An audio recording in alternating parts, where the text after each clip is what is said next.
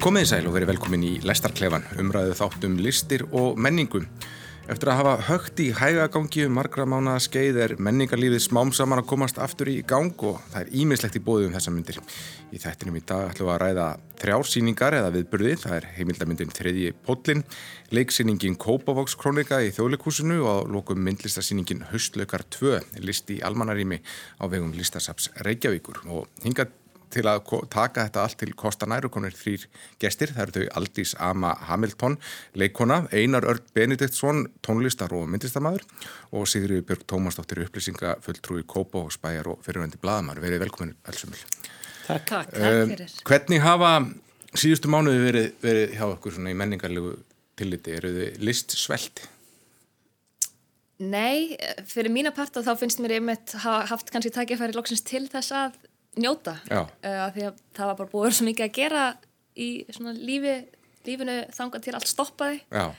þannig að ég er ennþá bara að vinna í gegnum svona merkilega þætti til dæmis frá 2010 sem ég ætti að vera lungu búin að sjá heimildamindir og annað.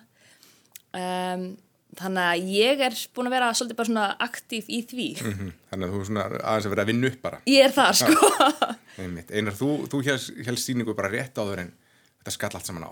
Já, já það var í reyndar, já, það var í uh, november-desember og svo hérna ætlaði ég að nota tíman í upphafi ást til þess að byrja á nýri, eða var að vinna verkefni með Damon Albarn mm -hmm. þar sem ég sé um hérna sjónræna hluti á tónleikum hjá honum og, og hérna það var komin á fullt svig, sving og átt að frumsýna það í mæ og svo var það allt hérna frestað mm -hmm. þannig að ég er búin að vera í lausagýr hvað var það svona eigin sköpun en þar á móti, aftur á móti og bara í svona COVID-gýr þannig að ég hef ekki verið neitt að sækjast eftir fjölminni, mm. verið svona sjálfskeipaður í sótkví og mann en þá 13. mars þar sem að, að ég ætlaði að fara á frumsýlingu á Bubba og þá átti fyrsta samkomubannið að gilda, taka gildi 15. Mm -hmm og við ákvaðum að fara ekki Já. bara til þess að bakka því þetta væri þá þessi tilmæli sem væri að koma og mhm. hvaða munur væri þá á ekki bara, veist, ekki að, að bara byrja þá og ekki vera hérna að stressa og ég hef bara gengið út frá því að, að vera ekki að smita aðra Já. og hérna en síðan hvað var það menningar svona neistlu annað að þá ég líti alltaf á líf mitt sem list þannig að, að mér líður ágætlega dagstaglega og og er svona höfum verið bara að horfa á staka þætti en velja þá. Já. þannig að ég er ekki inn einu svona hvað heitir þetta, hámgláp eða gláphám. Hámhorf. Hámhorf, já, ég, við hefum ekki verið að hámhorfi. Nei. þannig að það hefur líka hérna, og svo hefum ratað inn á þætti sem eru mjög skemmtilegir eins og hérna danski þættir, það var gaman að horfa danska þætti í sjónvarpinu. Og, og svo hefur ég læðist til að horfa á enska boltana því að að hérna, fótbolt er líka menning. Já, Sýrjur, hvernig hefur þetta verið hjá ykkur? Já, ég hef sem sagt, kannski myndi ekki segja að verið eitthvað listsvelt af því að ég er nú sæmilega dögulega að lesa bækur, bókmyndir og hef bara verið í því eins og vanalega. En sem sagt, fyrst að segja nú æfin er ég að skrifa niður það sem ég les ákvaði í áspyrjun að lesa 52 bækur árinu Já. að minnstakosti og sem sagt, hérna sá í mæ að ég var mjög langt og eftir áallun þannig ég var svona reyna að vera svolítið duglega að lesa í sumar uh, til að komast á rétt trakk sko í þessu markmiði. Síðan horfi ég alltaf slatta á seríu sko. það verður nú bara, ég verði alveg viðkynna það. Ekkert sérstaklega duglega að horfa á bíómyndir og, og hérna heimildamindir, þú veist en þetta er svona svolítið í seríunum. En hef lítið verið að fara uh, á meðal fólks þá mm -hmm. að uh, upplefa list þar til síðustu helgi. Já það var hún var skar sig úr síðustu mánuðum á þýleitum til. Já, ég, ég gerði ykkur út af örkinu svona kannski byrja í uh, bíó. Það var einmitt uh, bíómynd þriðjupóllin sem átti að frumsýna einmitt í vor sem leiði í, í, í mars eða april sem hefur þurft að býða þá til núna. En Riff, alþjóðleg kvikmyndahátt í Reykjavík var sett í síðustu viku, viku og opnumyndin þar var þriðjupóllin heimildamyndi eftir þau Andrasnæði Magnason og Anni Ólafsdóttur Uh, myndin fjallar um önnu Töru Edvards, íslenska konu sem býr í Nepal, hún hefur glimt við geðkvörf og ákveður að halda tónleika til að vekja aðtekli á geðhilsu í Nepal og fær Högna Eilsson, Högna í Hjaltalín sér til uh, aðstofar og Andri Snær og Anni þau fylgjast með þeim þarna í Nepal ræða við þau og það fjallar svona þóttum um það bara hvernig það er að lifa með geðkvörfum. Um, Aldís, hvernig, hvernig fannst þér þessi myndi? Sko, mér fannst hún bara mögnuð um, og rosalega mikilvæg og þú náttúrulega þekkir maður suma sem kom að sér mynd, sko, og hérna þannig að ég var alveg svona, ok, þetta verður þá ennþá meina áhugavert, sko, að fá bara insýn í þennan hugarheim, en ég bjóst í alveg ekki við því að þetta er svona uh, rátt í rauninni, svona einlægt. Og mér fannst þetta er náttúrulega svona þetta er hlutur sem maður heyrir oft um og fólk kastar fram bara einhvern veginn mjög léttulega, ég ger það sjálf mm. þegar, og, og ég fór að hugsa kannski bara allt of léttulega um, að tala um þú veist bara stýra alveg geðveik eða bara já, maður er alveg bara manniskur eitthvað. Og þetta bara, þetta kom með svona einhvern veginn þungavikt inn í það samtali sem mynd sem mér fannst bara rosalegt. Og ég sat alveg bara svona eftir aðeins í bíosalunum bara að leifinni einhvern veginn að bara svona melda eins að sem maður fekk að fá insýn í mm. um, og þetta er bara, veist, og síðan er líka, er líka bara cinematist svo ótrúlega falleg sko, myndatakan og annað sem er bara líka mjög gefandi um, en alltaf já, svona innihaldið er alveg bara ótrúlega nöðsynlegt og, og, og bara já já, bara mjög frábæri mynd sko og mm. ég vona að sem flestir fá tækifæri til að sjá hana hvort það er í kveikmyndasal eða sjónvarpi eða hvað. Já, einar. Já, ég hérna það var ringt í mig þegar ég var 18 ára og það var einhver ung vera á símanum sem sagði mamma mín heldur að þú sér geðveikur?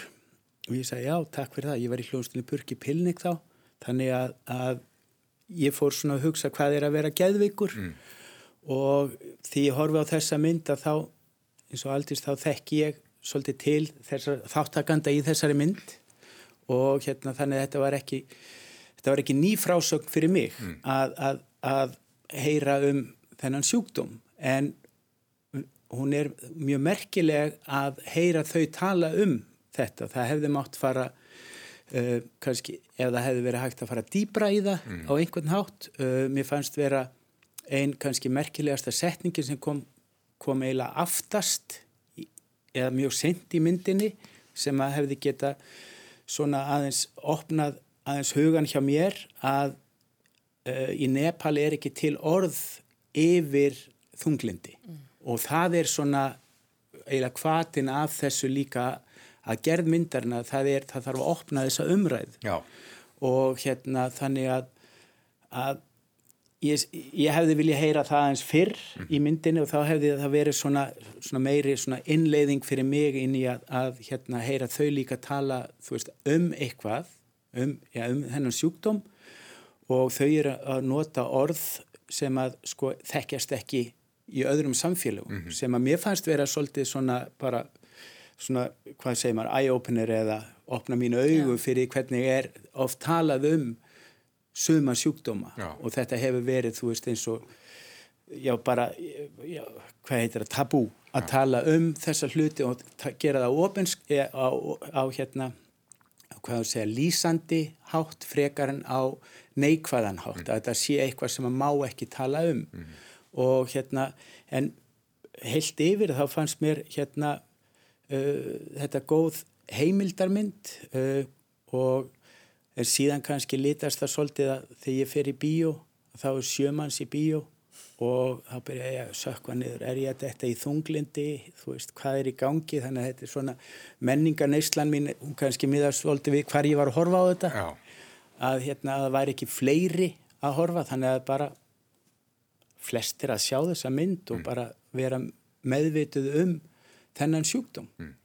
Sérur Mér finnst þetta alveg frábær mynd. Ég var aðeins búin að lesa mér til um hana og, og hérna heyra af henni áður en hún var sínd, náttúrulega bæði áttu að frumsynna síðasta vetur og svo var talsveit kynning áður, áður hún, hún var frumsýnd og var sem sagt búin að ákveða að horfa hana á frumsýningadegi, við horfaði hana heima, leiðana á reif.is eins og er hægt að gera núna út af aðstafanum í þjóðfélaginu Þannig ég bara um leið og hún opnaði netinu þarna klukka nýju á 15. kvöldinu þá var ég byrjað að horfa, bara tengti tölvu í sjónvarp og horfaði hann þannig.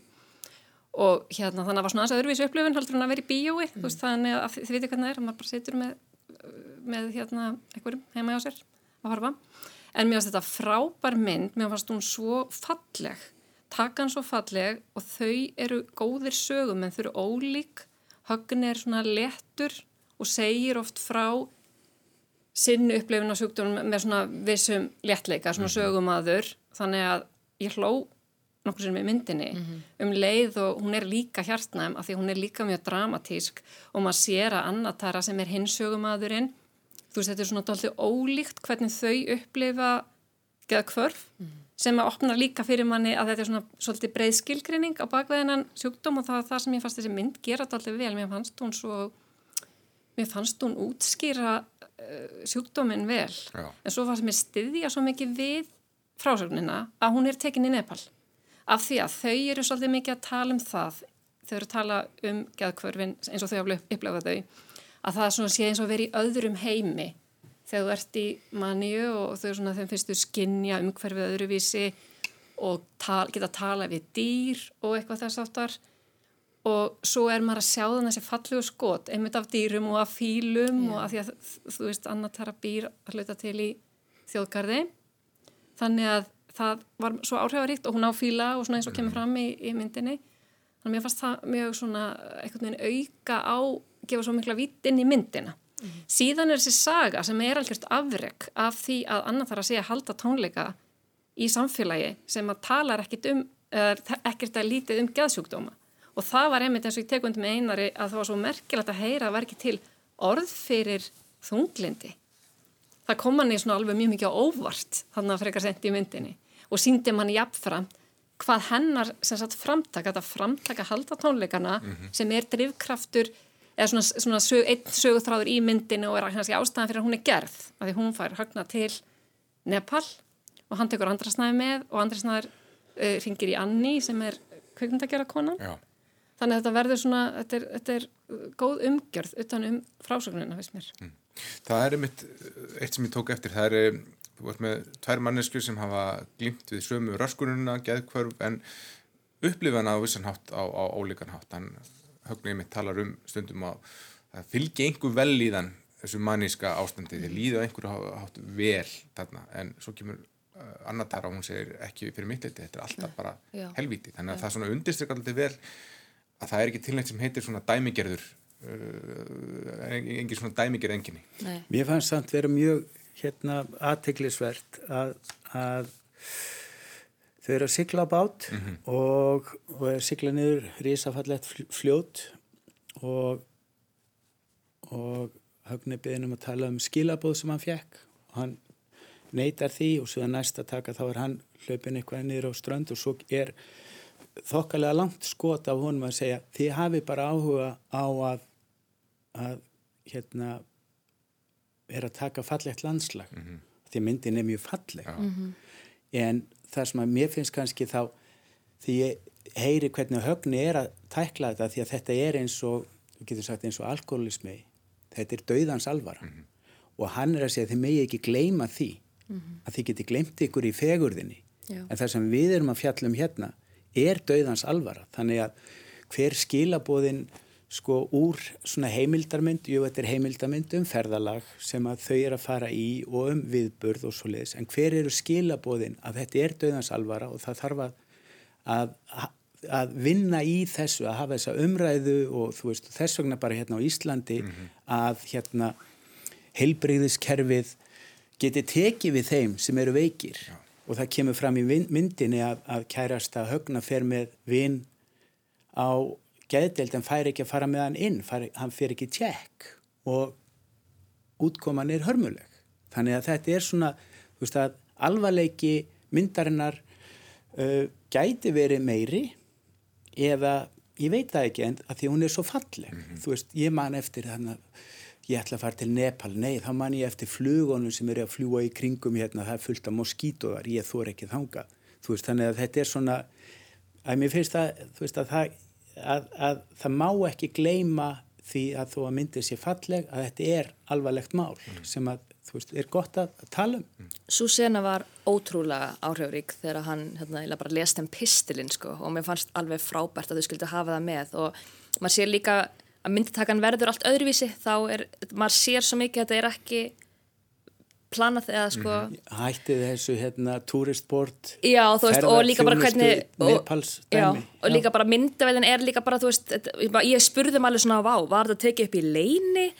Ég fór, þú veist, maður fór alveg á svona, maður upplýði að maður var að sjá eitthvað sem maður átti ekki að fá að sjá sem gerði það svo stærst og ég hugsaði einmitt líka að það er rauninni senutnar þar sem maður virkilega maður svona dætt algjörlinn af því þrátt fyrir ótrúlega fallet landslag í Nepal og svona en þá þegar þau tala svona virkilega ofinskátt og svona um já, maður sér þessi svona földu moment svolítið, þú veist, þessum þau kannski er þeim döði leitistundum fannst mér. Já, af hverju, af hverju skipileggi ykkur ekki betur frekar Já, svona þannig komment. Ekki á tíu mínutum heldum kannski tvo, tekja tíma undirbúning Já, ég hugsaði þetta, ég, það voru mómentir sem ég virkilega bara, já, akkurat það sem maður fekk að sjá alveg glitta í personurnar þeirra, sko, já. líka mm -hmm. það var mjög mikilvægt, sko já. og hérna, ég, ég hefði viljað sá meira því líka.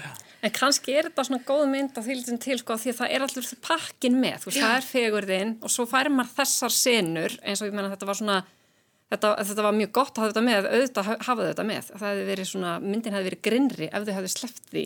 Mm. En mér fannst einhvern veginn virka að því aðeins í blá byrjun, það er svona senur eins og þau standa hlið við hlið og það er svona klift og þú sér því fíla, mm. fílana og þau tvö og svo er klift og kemur aftur. Þá hugsaði ég aðeins að því blá byrjun, er þetta svona músik, aðeins svo mikið músikvídeó stemming, en svo fannst mér bara þegar heildin var komin að það að hafa þetta svona fallegt væri samt að virka af því að mér fannst það svona passa við þeirra frásagnir af svona þessu draumkjönda þú veist ástandi sem að einhverju leiti að væri að vera í manni þannig að mér fannst það eitthvað með stiðja ja. samt sem áður Já, sko. það er með undurfallegt skot hérna fílshúð alveg, svona, alveg magna já, og, og maður er með sko að hugsa ef maður geti og það er kannski svona ég, ég, maður hugsaði nánast ef maður geti upplifið þetta svona ofurnæmt já uh, hvað sé maður þá sko já. og það en, eru svona það eru svona að þau segja eða kannski sérstaklega, kannski enn meira hann en þú veist það er svona stundum þegar, í þeirra lýsingum það kemur eitthvað svona frásögnum þegar að, að, að þú veist maður langar næstum því til að upplifa þetta mm -hmm. veitir, en svo er þetta, þetta alls ekki þannig Nei. af því að þrátt fyrir að segja eitthvað kannski smá eftirsóknarvert í því að geta verið svona næmur eða fundist, fundist þú skilja fuggla og þess aftar þá er þetta samt auðvitað sjúkdómur og alveg mjög alvarlegur sem slikur. Mm -hmm. Það er einmitt líka þegar hann högni talar um þarna hann hafi verið á snaps eða eitthvað og byrjar hérna með svona gjörning í rauninni og hann segir þú veist og gestirnir voru alveg bara heitlaðir og farst þetta ógesta gaman og hérna, hérna er eitthvað svona spennandi í gangi og vini mínir horfa með tárinu augunum og maður, það einhvern veginn það virkilega satt í mér líka þú veist sammála. Ég get nú bætti, ég var að tala við eitt vinn minn áðan sem var vittnað þessu Já. og hans upplifum var ekki að hvað þetta væri frábært nei. hann sá nei, nei. þarna mann sem að var mm -hmm. í maníu og þannig að En kannski að því að hann er í maníu þá heldur hann allir upplifið þetta sem frábært Já en, en það er, en það er alveg, alveg rétt sko að, að, að veist, þessi upplifun að, að vera næmur og, og, og svo leiðis að, að það er náttúrulega bara afleiðing Já. sjúkdómsins mm -hmm. og, og svo er, þú veist, Anna Tarað hún segi þetta var bara ljúkt ég lifða, upplifði aldrei svona mm -hmm. þú veist, hérna hvernig er hægt að taka mynd af einhverju ljótu í heimildamind, þess vegna var myndin freka falleg mm -hmm. og þú veist þannig að þetta er ekkert alltaf og svona og maður finnur alveg, hún vill ekki fara hún vill ekki, hún, hún vill ekki rifja upp nei, ég, ég, ég vil ekki tala um þetta. Nei, nei, og þannig að það, hún sett alveg hún bremsaði nokkru sinnum þegar maður hefði vilja fara sem að síni það bara að þetta er erfi já, já. og hún, það er svona mikill þungi og meiri svona þungi yfir henni já. enda kemur fram að, að mammenar var líka mikið að kvörð þannig að hún hefur svona upplifin að þessu sem aðstandandi líka nákvæmlega. sem bann áður en hún svo fær þessa, þessa sjúkdóm sjálf Já. sem reynist henni mjög mikið áfall mm. þetta, verð, þetta er svona, þetta er, svona þetta er sárt mm. Þetta er svona ákveðið afrækjasi kvikmyndagerð að þau fara það með tíu daga fyrirvara og það er ekkert þú getur ekkert skiplat mikið fram í tíman Nei. hvernig þú ætlar að breyðast í aðstæðum sem er bara svona, svona greinlega bara taka þetta eftir eiranu á, á tökutímanum en svo koma líka þarna þessi heimamindbönd sem hún annartara á frá svona æsku sinni já, æsku sinni frá þegar maður sér Vesturbæin já, bara sér, sko, myndir frá Reykjavík eru eru hérna æskumindir úr, úr hlýðanum já. eða hvað sem er já. versus Nepal sko þannig að þetta er svona íslensku raunveruleiki eins og hann segir ég er búin að eiga heima á Ísland og Nepal mm -hmm. þannig að þetta er þetta gerist ekki bara í Nepal, þetta mm. lík, gerist líka hérna. Já. En maður líka finnur svona ekstra til út af þessum myndbandum þegar maður hugsaður um þegar það fer að koma í ljósa að móðurnar gekk í gegnum svona rosalega erfiða tíma því í myndbandunum er ekkert nema bara heilsteift gleði og bara einhvern veginn algjör svona bara algjörlega á yfirborðinu hugsaði maður vá, þetta er bara þetta hefur verið fullkomin æska getur þið ímyndið okkur ævintýrun og bara og síðan heyrur hann að tala bara já þú veist þegar hvað mamma reynir að taka sér degi líf. Og maður bara ha, ég bara ég, ég skinnjaði það ekki þegar ég horfa á þessa myndbund mm -hmm. en það sem ég held að ég líka tekið rosa mikið úr þessa mynd og vona margir gera er með þetta umbyrðalindi sem maður hefur að því að maður hefur séð með fólk eins og Britney Spears farið gegnum rosalega hluti þegar það kemur að geðhilsu og bara fyrir tíu árum síðan þá hlóðu við. Þú veist, allavega ég er þá veist, kringum títugt og fólk í mínum kreðsum bara þetta var hilarious bara göfðuð minn góður, oh my god hugsa ykkur. Og maður var einhvern veginn algjörlega ónæmur, ótengdur enga samkend og núna þegar maður horfið tilbaka maður er bara, maður er farast herndur sko. Mm. ef því að maður hafi horta á þetta sem bara svona farsa. Að horfa veist, á svona hrun mannesku út af, af geðsjúkdómi. Þannig að ég vona svo mikið um þetta svona, þetta fá fólk líka til að hugsa bara þegar þú er vittna hlutum eins og gerist þetta snaps og svona að það séum þetta eins og vinið þinn sem horfur á þetta og hugsi hér er ekki allt í lægi mm -hmm. Já, frekar en þetta sé allt í lægi Já, einmitt og bara mein, megi, hérna, já, ekki hlæja að eða Nei. hlæja með eða heldur hugsa einmitt bara svona ok, hvaðan er þetta að koma Já, einmitt um, Þriði pótlinn eins og sé í almennum síningum núna og líka þetta sjá hana bara heima eins og Sigriður Björg gerði. En við skulum fara úr bíó í leikhús. Þjóðleikhúsið er búið að opna núna aftur eftir langt hlið og það var Kópáskrónika sem var frumsýnt þar í síðustu viku. Þetta er annað verk sem átt að frumsýna í, í vor en, en var sett í salt út af COVID. Verki byggir á samlendri bók eftir Kamilu Einarsdóttur og er sett upp í leikir þeirra Silju Högstóttur og Ilmar Kristjánsdóttur en Silja leikstýrir jafnframt og Ilmur fer með aðalhutverkið. Hér segir frá konu sem ákveður að já, leggja dóttur sinni lífsreglurnar með því að segja henni sína eigin sögu eiginlega svona sem víti til varnaðar og bókin gerist að miklu leiti í Kópói og það likur því beintið að spyrja upplýsingar fyrir trúa Kópósbæðar hvernig, hvernig fannst þér Sigriður? Góð tenging. Uh, Mér fannst bara ég eftir alveg bara skemmtilega kvaldstund í leikhúsi, mér fannst Ilmur mjög góð. Þetta er svona alveg passaði henni mjög vel og er, hún er alveg náttúrulega í algjöru aðal hlutverki, hún er hérna söguhetjan og svo koma inn á svið með henni uh, Artmundur Ernst er leikur alla, hérna, alla kallana já. í lífinnar og, og svo er þarna annur leikona sem kemur inn líka, Þórei uh, Birgisdóttir og þetta sem sagt svona Mér fannst þetta alveg fyndið, þú veist, maður skellir upp og hún er að segja þarna frá svona mjög skondnum og misgáfulegum aðstæðum sem hún er í með einhverjum, fyllir í, þetta er svona, fyll, svolítið svona mikið fyllir í mm -hmm. og ruggl og smá drami því að hún er, fer líka út í það að segja frá því þú eignast dóttur sína og það er svona ákveðin saga kringum það og svona.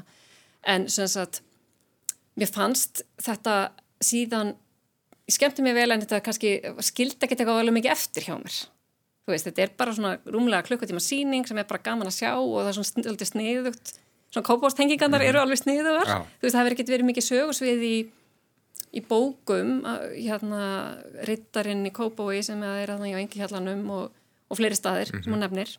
Tyrfingu Tyrfing svona aðeins, já, aðeins verið að vinna með þetta í, í já, sínum leikrundum hann hefur staðsett sín verk líka í Kópái, það er rétt. En hún er aðeins öðruvísi á henni Sko, Herra þannig... netursmjör líka. Já, já, já, já, já alveg einsir í poppinu og svona, en þetta var, veist, þannig að þetta var alveg, alveg, hérna alveg skemmtilegt, sko. Já, Aldís. Já, hún skildarlega slætt eftir hjá mér verði ég að segja, sko. Það, hérna hún er, einmitt, hún er stutt og ég held að þjóna ákveðum tilgangi að því að mér fannst hún, þó hún var vissilega mjög svona fyndin á köplum, hann fannst mér líka mikill þungi inn á milli. Og ég svona, hugsaði með mér þú veist að ég, ég hef ekki endilega vilja hafa hana mikið lengri en kannski einn og hálfur. Ég hef alveg verið til þessi dansningur en svona.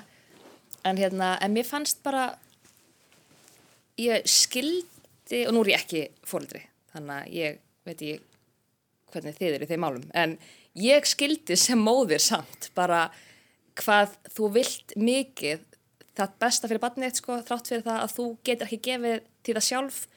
Og mér fannst rosalega þessi kona sem er svona greinilega sko, hefur gett mistök og upplifir sig sem skattaða sjálf í þessu, leikriti mér fannst samt svo magna að hugsa til þess að hún rauninni ítir barninu sinu frá sér svolítið í þeim tilgangi að reyna að gera það að betri mannesku en hún upplifir sjálf sig sem kannski umdýranlegt hvort að fólk er gott eða vant og hvað sem það er sko.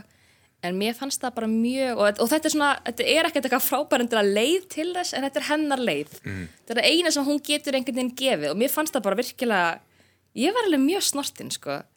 Og mér fannst Ilmur gera þetta ótrúlega vel. Hún var algjörlega heimavelli í þessu sko.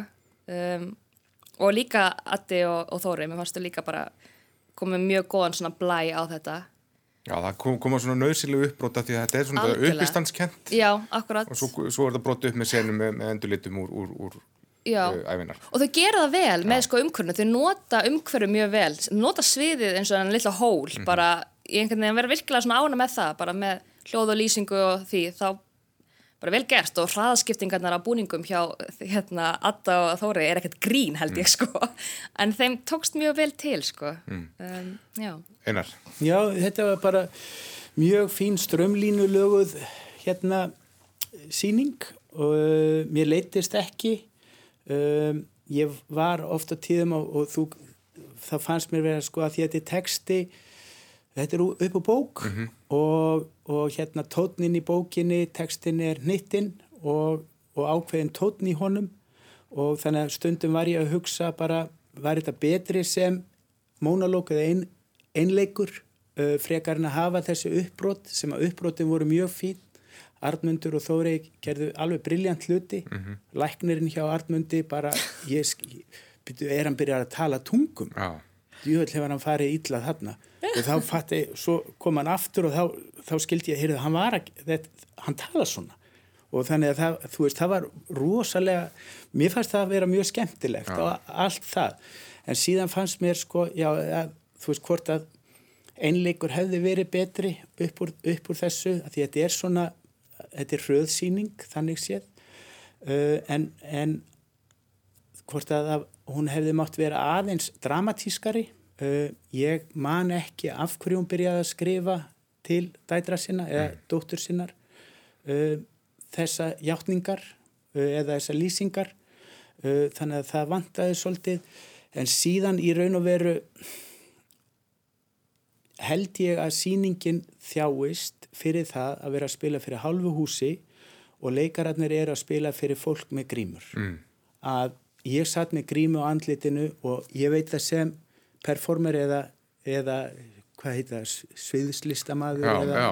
Að, að, að ég, ég hef spilað með svona súrefnis uh, hérna uh, grímu í nöðsónum og fólk svona býtu er hann eitthvað veikur?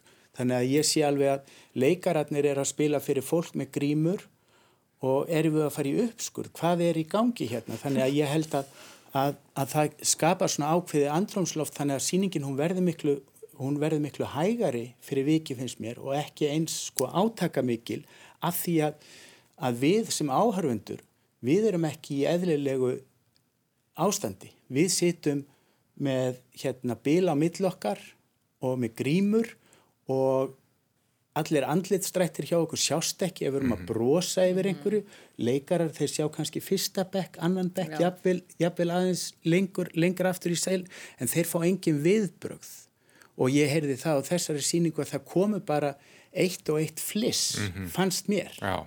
Allir að passa kannski að hlægi ekki og, Nei, og, og núna eigum við ekki að tala hátt eða já, frussa já, já. og þú veist og þannig að mér fannst það kannski vera og þá fór ég bara að hugsa þurfum við að, að, að bjóða leikurunum upp á þetta mm. þú veist, eigum við, eigum við kannski bara hingra með leiksýningar þanga til að við komumst á þann level ja. eða eru við komin á þann stað við þurfum að hugsa allt upp á nýtt mm. þú veist, kerfið er hrunið þannig sem er COVID og allt er núna með að koma öllu tilbaka aftur eins og það var en viljum við að það sé aftur eins og það var og svo, þú veist allir er að tala um að við þurfum að hugsa út fyrir kassan, mm -hmm. út fyrir bóksið, út fyrir ramman en ef það væri engin rammi, hvað væri við þá að hugsa? Mm -hmm. Þú veist, þetta er svona bara fyrir mig að fara á þessa leiksýningu eftir svona langt hlýja því að við förum mikið á leikhús að þá var þetta mjög skrítin og ekkert sjálfsögð upplifun mm -hmm. og ég vissi ekki hver ég átti vona. Sett upp grímun á þenni, fer inn í leikhúsið, miða, nei þú ert ekki með þessi sæti, þú verður að býða eins, hvað á ég að býða? Þú veist, og far, ég verð þarna til hliðar. Mm -hmm þetta, þetta, þetta er ég. Já, veist, er svona upplifin í kringum þetta verður hálf óþægileg hún verður svolítið óþægileg og ég veit ekki nema að, að, að, veist, að það hafi áhrif á veist, á, á, á síninguna líka. Mm. og það hefur minnst að mína upplifin af þessar síningu mm. en þú veist bara ég get alveg komið inn á þetta því ég hugsaði þetta um eftir síninguna þetta er ekta þetta verður svona kvöldstund og þau veitir svona síningar sem eru rúmur klukkutími og eru ekki með hlið þau er, það er, getur verið svolítið svona góður pakki að fara á, þú veist, þú fer með vinuðinum kannski út að borða og svo ferð á svona síningu sem að jú, hún hefur alveg eitthvað, eitthvað dramatískan undirtóni en er samt, þú veist, það er mikið brandurum í henni. Og svo bara ferða á hana og þá er hrikalega gaman og emitt salurinn kannski svona hlær saman. Ég var á annari síningu það var ekki alveg fullsetið, það eru auðvitað ekki fullsetið út á COVID en það voru líka auðsæti. Mm -hmm. og mér fannst kannski, ég hugsaði svona það var alveg, eitthva, það var alveg, alveg hleið sko og alveg fólk gelti upp úr en ég hugsaði einmitt með mér þetta er svona ekta síning sem að geti, þú veist, salurinn geti farið í algjörð kast já. yfir. Já. Ég held að síningi geti verið alveg búm. Já, af því að þú eru til dæmis, af því ég er nú nýbúin að lesa bókina, hún var sko búin að vera náttborinn hjá mér í marga mánuði og þegar ég vissi ég var að fara á síninguna, þá bara las ég hana. Einu af þessu 52.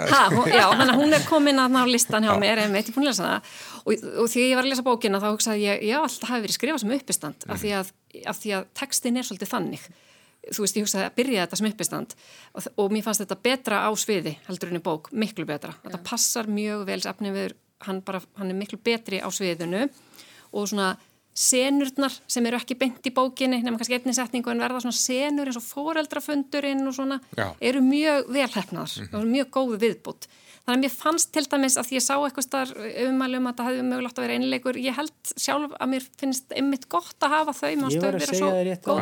Já, þú veist, þú varst að segja það núna, já. Ég var líka, sko, ég var líka að lesa það. Ég var að lesa þetta í gaggrinni líka. Sko. Þannig að, hérna, þannig að, sagt, þú veist, það, ég er ekki alveg saman því. Mér fannst einmitt fínt að hafa leikara. Mér fannst hún svona að verða eitthvað með þjættari og skemmtilegri. Nei, mér fannst mjög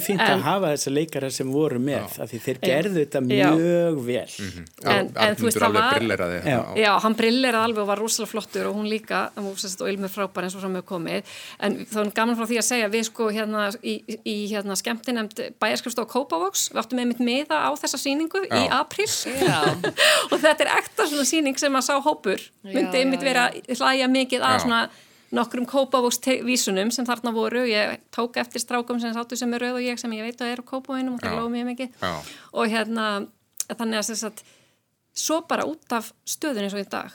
Við erum ekki að fara þessar bæjarskrifstofur í sóttvarnar holvum sko, við erum til dæmis ekki að fara á hana sem mhm. hópur í byli, þannig að þetta er þetta aldrei við erum í svona sérstökum tímum í leikhús Það vant að samt inn í þetta svolítið umræðunum gular og grænargötur Já, já það er allavega aðeins, koma aðeins inn í bókina. Já, já en það vantar alveg í þessa síningu alla umræðum gular og græna færðu á gulugötuna og svo eru skiltin orðin svona máð þannig að þau eru ekki lengur gul. þannig að maður er svona villast. Þetta er alveg klassist sko. smiðju hverju kópói En aldrei stilum, tengið þú við þetta sem einar var að tala um þetta bara sem leikona já, getur þú ímyndaði hvernig það er að vera á sviði með einmitt hálfansal hálffullansal Já, ég hef bara gert það. Já, ok. Já, og, og, og, og allir all með grímu líka Já, sko. nei, ekki, ég hef ekki gert það með Já. fólki með grímu. Ég veit, sko, þú veist, jú, þegar maður hefur leikið svona undir loksýninga þá er oft svona virkilega farið að hérna, vera færri oft í salnum. Mm. það er erfitt, sko. En hérna, ég held að þetta sé mjög rétt ef ég var hinskilinn um, Ég fór á frumsýninguna reyndar þar sem að orkan er allt önnur og það var, þú veist, maður kom inn og það var hérna freyði vinn í glasi þannig að maður var einhvern veginn bara virkilega bara í góðri stemmingu og mm. það var alveg leið, fannst mér, varst þú frumsýningunni? Ég frumsýningu tvö Já, það voru tvær frumsýningar Já, akkurat, ég frá fyrri, já. sem sagt Já, hérna, það var bara, þú veist, það var fannst mér mikið leið og það voru, ég tók eftir því að það voru margir sem tók grímuna niður þannig ég veit ekki hvort það hefur hjálpað eða hvað, sko, mm. en hérna en ég hugsa að þetta sé algjörlega satt. Og ég, það kom mér eiginlega bara óvart hvað við lesum lítið úr augum fólks. Ég held í alvörunni að það að fólk var með grímur bara í daglu samtölum og annað væri ekki fara að vera svona mikið. Þú veist, við bara brosum með augunum, við bara smæsum og eitthvað.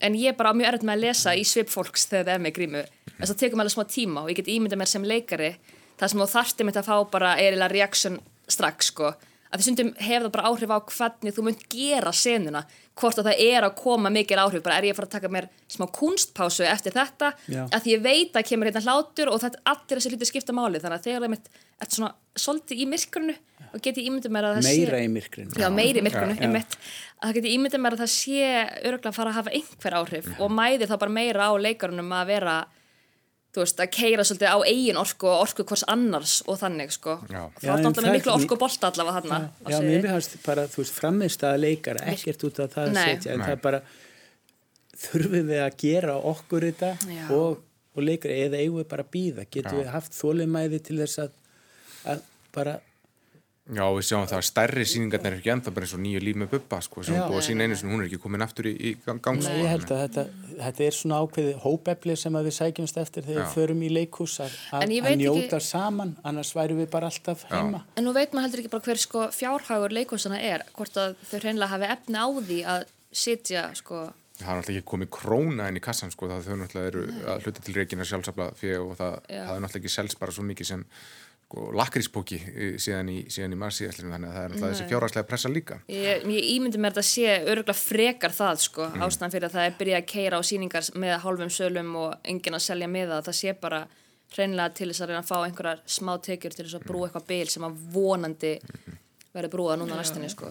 En Kópáðskrónika, skemmtileg síning sem áfóð mm -hmm. mikið inni, getur við, getur við eh, sagt. En, síning sem segir búm.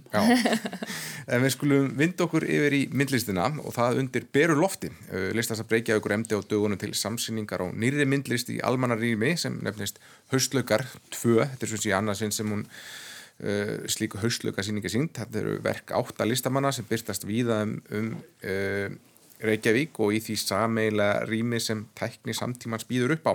Um er að ræða gjörninga, skúltúra og yngripp og uppákomur af ímsu tægi sem kallast á við samfélagslegt rými, ofinbæra vettvang, stræti, torg og byggingar sem við deilum í saminningu eins og komist er á orði í tilkynningu frá listasamni Reykjavíkur.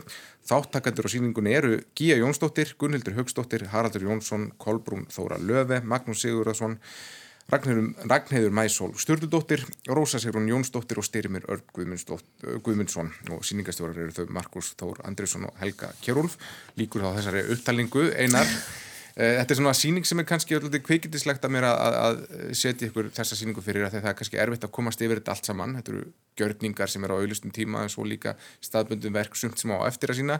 En hvað hva komstu yfir? Já, ég hérna sumt af þessu var á netinu og, og ég er að minka skjáttíma minn þannig að ég leitaði ekki eftir því en, en ég fór að leita að Magnúsi og fann ekki Magnús að hafna torki og þá byrjaði hann ekki fyrir 15. oktober þá sagði ég nú ekki æjæj heldur bara fór og hérna gekk upp og niður í, í gróvarhúsinu mm -hmm. og hérna átti það stefnum út við Jóns, Harald Jónsson og hérna og ætla ekki að segja hvernig það var en, en svo fann ég styrmi út á hliðin á Marsjálhúsinu mm -hmm. á Rafstöð með, með stjörnuliljur uh, hvar ég gætt klifið vegg Já. á einn ábyrð og ég er hér í dag þannig að, að ég kleif ekki já. þetta er svona klifurveggur klifurveggur sem er eins og stjórnukort já, já.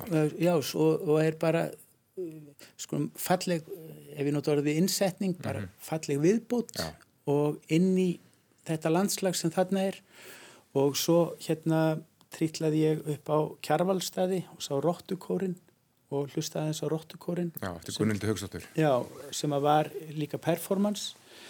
Og, en svo tók ég eftir því að flest af þessu var svona tímasett mm -hmm. og voru þá svona að viðra uh, var á reynimel, minni mig. Hagamel, Hagamel. Já, já. þá held ég að það hafi örgulega verið performance einhverja viðra út á svölum. mm og þannig að, að þessir sko gjörningar að ég misti nú af þeim mm -hmm. flestum en, en, en mér finnst í raun og veru svona list í almanarími þetta, þetta er, mér finnst bara list eigi að vera allstaðar mm -hmm. þannig að það á ekki endilega að vera eirnamerkja uh, sagt, tímamarka að þú getur séð þessa list þarna í svona almanna rými og almanna rými geta, geta verið bara flestar byggingar þar sem að fleiri neitt fara inn. Já, hún virkar kannski líka best einhvern veginn þegar maður rekst einhvern veginn á hana en ekki... Þannig á það að vera og, og það er það sem að mér finnst og, og það er sko, um, það, er, það er svo gott að það sé svona síning sem að ætti þá ekki að vera bara uh, í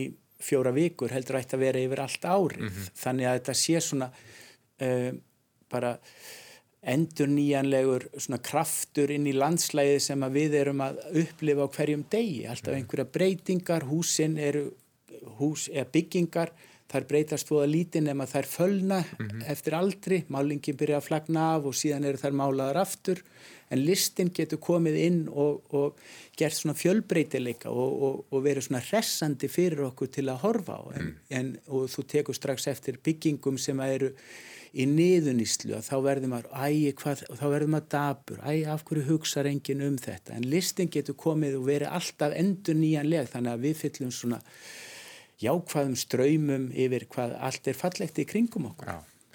Uh, Sigur, ég tók eftir á Instagram hjá þér að þú varst nú duglega að fara á gjörninga um síðustu velki Já, ég náttúrulega tók þetta verkefni mjög alvarlega bara stein og las hérna e, yfir dagskrana á, hérna, á heimasíðu listasapsins og sá, af því að ég sá bæði að einhverjur gjörningar eru þau eftir að þessi þáttur hérna verið tekinu upp og líka bara eitthvað hendaði mér ekki, ég var búin að mhm. missa af einhverju þá hérna sá ég hins vegar ég, að það var gjörningu klukkan þrjú á lögadeginum síðasta og annar á sunnudeginum og ákvaða að fara þá báða og lögadeginum þá fór ég á fyrsta hluta af uh, nokkrum í verki sem heitir Nánd og þar er listakonan Gíja Jónsdóttir mm -hmm. uh, hún er með þá röð og hún sem sagt þetta var svona hún kallaði eftir verki, fólki til að taka þátt í, í verkinu og, og hérna ég vissi svo sem ekkert mikið meir.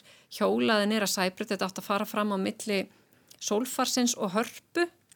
Og ég bara fer á mínu hjóli og á þetta svæði sem að ég fer mjög oft um bæði agandi sæbrutina en líka kannski er að nota þessa gangstjett, hlaupa eða hjóla. Og hjólaði þess að solfarinu sá engan en sá samt fólk með myndavílar þannig ég vissi eitthvað var að fara að gerast. Og bara stóð heima bara rétt fyrir eða bara klukkan þrjú þá kom hersing lappandi út úr hörpu vantanlega og það var svona tveir og tveir í pari stiltu sér upp og fólk fór að kissast eða faðmast. Og þetta var bara fallegt fannst mér og svona einhver svona einmitt nánd í þessu og það var svona bara, já, þetta var bara fimm mínútur mm -hmm. það kom, hafði líka komið fram þarna í lýsingunni og þannig ég svona horfið á þetta trublaði mig aðeins að þú veist það voru þetta einhverjir að koma og svona horfa og það voru margir sem þekktu þá sem voru í verkinu þannig að fólk var svona mjög mikið eitthvað með eina tala saman og taka upp síman allir í einu þannig í byrjun og svona. Já. þannig að það sem ég gerði var að ég var sko með tónlist í eirunum þannig að ég setti hana bara aftur í eirun þú veist og var að hlusta og með ég var bara í einn hljóðmynd. Ég var svona með, ég bætti við verkið Já. með einn hljóðmynd. Spilaði það Kiss Me. Já, reyndar ekki, ég hafði nefnilega verið í leikúsi þú veist, eftir allan þannan leikúsvelta tíma hafði líka verið í leikúsi á föstuðarskvöldinu og þar koma Marja Callas við sögu og þá var ég að hlusta svona að rifja upp nokkrar arjur með henni mm. og var þá með hana í eiron mm. sko. þannig að það var nú mjög fallegt og bætti við mm. uh, hluta af þessu verki var síðan líka svona eitthvað á Zoom á miðgudeginum en þar verði ég nú að segja, þar eitthvað með ég náðu mikið á svona netfundum til þess að ég ekki fundi hjá mig löngun til þess að fara á Zoom-fund í tegnslu þetta verk Nei, en á, á sunnudeginu segi fór ég á hérna Gunnhildi Haugstóttur með Rottukórin og það var uh, allt öðruvísiverk, þar byrtust konur með róttur og priggi, ekki þó alvöru, heldur svona einhverja skultúra og voru svona framkvæm einhver svona torkennileg hljóð. Og svo færð, þar komu úr svona ymsum áttum inni í safninu en færðu sér svo úta í porti þannig að fyrir aftan eða framann karlastadi og svona stiltu sér upp bara eins og kór, þetta er hluti af kór og var kórstjóri og allt. Og svona svo var flutt verk og mér segi nokkrum þáttum. Og og svona með skriktnum hljóðum Já. og smá hægt, svona dáliðandi og alveg gaman sko og skemmtilegt svona þannig. Nú er hægt að hérna, rótturnar eru þannig þá á priggum út í glugga og svo er hægt að hlusta á... Horfi, jú, horfir á latexrótturnar og loftræstingin niður í hún Svona, blakar skottunum já. á þeim þannig að mm. og svo hlusta maður úti og já. heyrir þá rótturkóðum. Já, þannig að það er einmitt hægt að fara og sjá já. þetta verk með öðrum hætti. Aldís Já, ég, hérna, nefnilega sá, finnst þau að skilja segja þetta allir hafi verið að taka upp síman þegar það sást nánd fyrsta hluta því ég sá eiginlega nánd fyrsta hluta á Instagram það sem ég fór að vera bara hvað, hérna, ég held að hafa verið sko ég, ég held ég hafa ekki verið búin að líta nógu vel yfir sko hérna einmitt listan hjá safninu Reykjavíkur að því ég tengdi ekki þá, bara já ég er að fara á þessa síningu að ég áheila að vera hérna mm.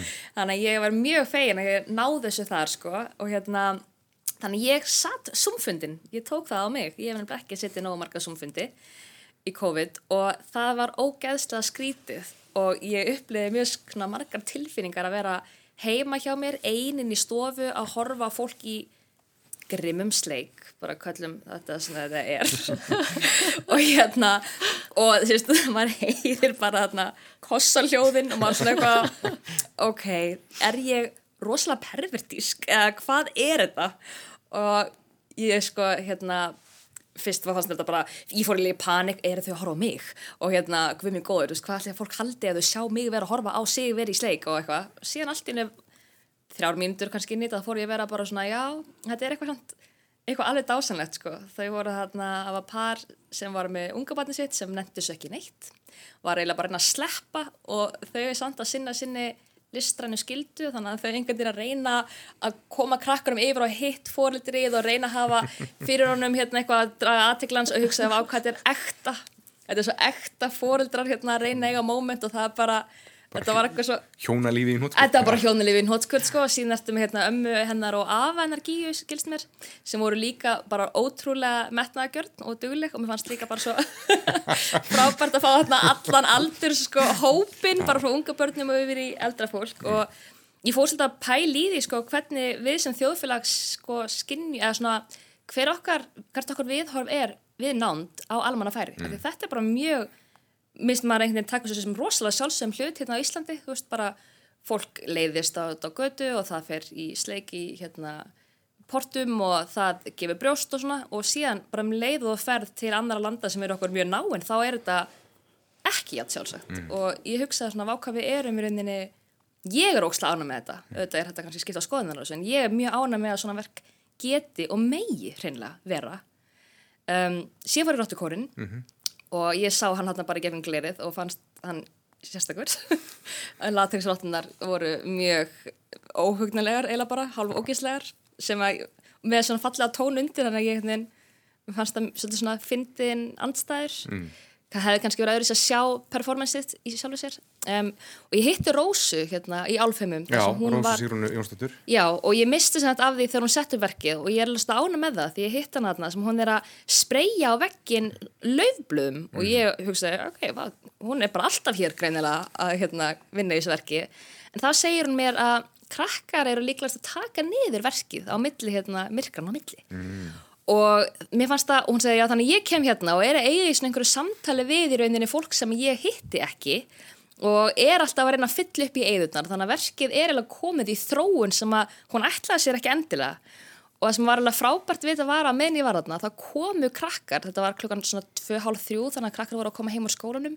Og þau voru svo áhugasum og stoppuðu alveg sérstaklega og fóru að spyrja hann úti hvað hann væri nú eiginlega að gera. Að þetta er svo rosalega sko þetta verk virkilega grýpur augað, þetta er svo öskrandi eins og þau voru að tala um svona list á hérna veggjum, þetta er bara kvítur veggur sem hefði, er bara mjög ómerkilegur mm -hmm. en allt í nýjan orðin rosalega spennandi Já, allt í nýjan álfuminkertin orðin bara aðlæðandi heldur betur. Og krakkar virkilega sækjast í eitthvað sem svona virkilega stendur út. Mm. og hérna ég meiri þess að sá unga stúlku sem stóð þarna öruglega í svona tímindur fara á hjóli og þegar ég var að fara tilbaka þá var hún komin aftur með vinkonu sína og þær voru að ræða þetta og ég heyrði það að segja hvað er þessi kona að gera? Hún er að laga verkið sitt. Og eitthvað, mér fannst þetta svo hugsa, þetta er gæðveikt samtal sem er að eiga sér stað hérna, mm. þannig ég er svona forvitin ég ætla að taka annan rundan á næstun og sjá hver þróunin hefur orðið í þessu verki, mm. en mér fannst það eiginlega svona skemmtilegast verkið sem ég sá. Ég fór að stefnumút, öldsnögt stefnumút þarna í grófunni. Já, einmitt, við, við, við Harald.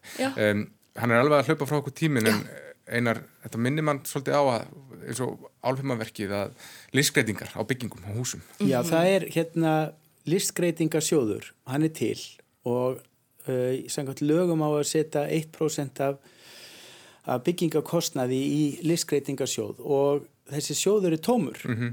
uh, ég trúi því ekki að það hafi ekki verið byggt neitt á síðustu árum til þess að, að renni fjöð þarna í þennan listgreitingasjóð. Þannig að, að, hérna, að list, sko að alltaf að vera að taka list út og, seg, og, og líta á það sem eitthvað sérstakt fyrirbæri. List á að vera sjálfsæður hlutur alveg eins og íþróttir eru sjálfsæður hlutur og okkar umgengni við list á bara að vera aðgengileg og á ekki að vera undir einhverjum formerkjum. Það, eru, það er list á húsum í Reykjavík sem að ef hún væri ekki að þá væri þetta bara ljótt. Mm -hmm. Við mhm. getum tekið til dæmis sundagarða, það er Sigur Jón Óláfsson, það er, það er, ég held að handbóltamadurinn sé á lögadalsöll líka um, og, og það er list mm -hmm. og íþróttir og við erum með gerði niður á tollhúsi og þú veist þannig að það að að hafa listin alltaf í einhverjum afmörkuðum ramma eða þá svona höstleikarsýningu sem er á af, afmörkuðum tímabili þetta á að vera alltaf. Og, og nota og þessi listgreitingarsjóður á að, að þú veist á að hafa eitthvað í, í sjóð til þess að við séum ekki bara byggja einhverja steindöða byggingar sem að eru ljótar síðan, síðan, hérna engin veit hvað er. Þú veist við getum tekið sem dæmi svört bygging í borgatúni sem að meðal annars Reykjavíkuborg er en það er alveg dögt umhverfið þar. Sklúna þeir sem þessu ráða séu bara hlusta og það geta til sín. Kæra það ekki fyrir komuna Aldi Sama Hamilton, Einar Örd Benediktsson og Sigriði Björg Tómasdóttir. Og hafið það gott. Takk, Takk.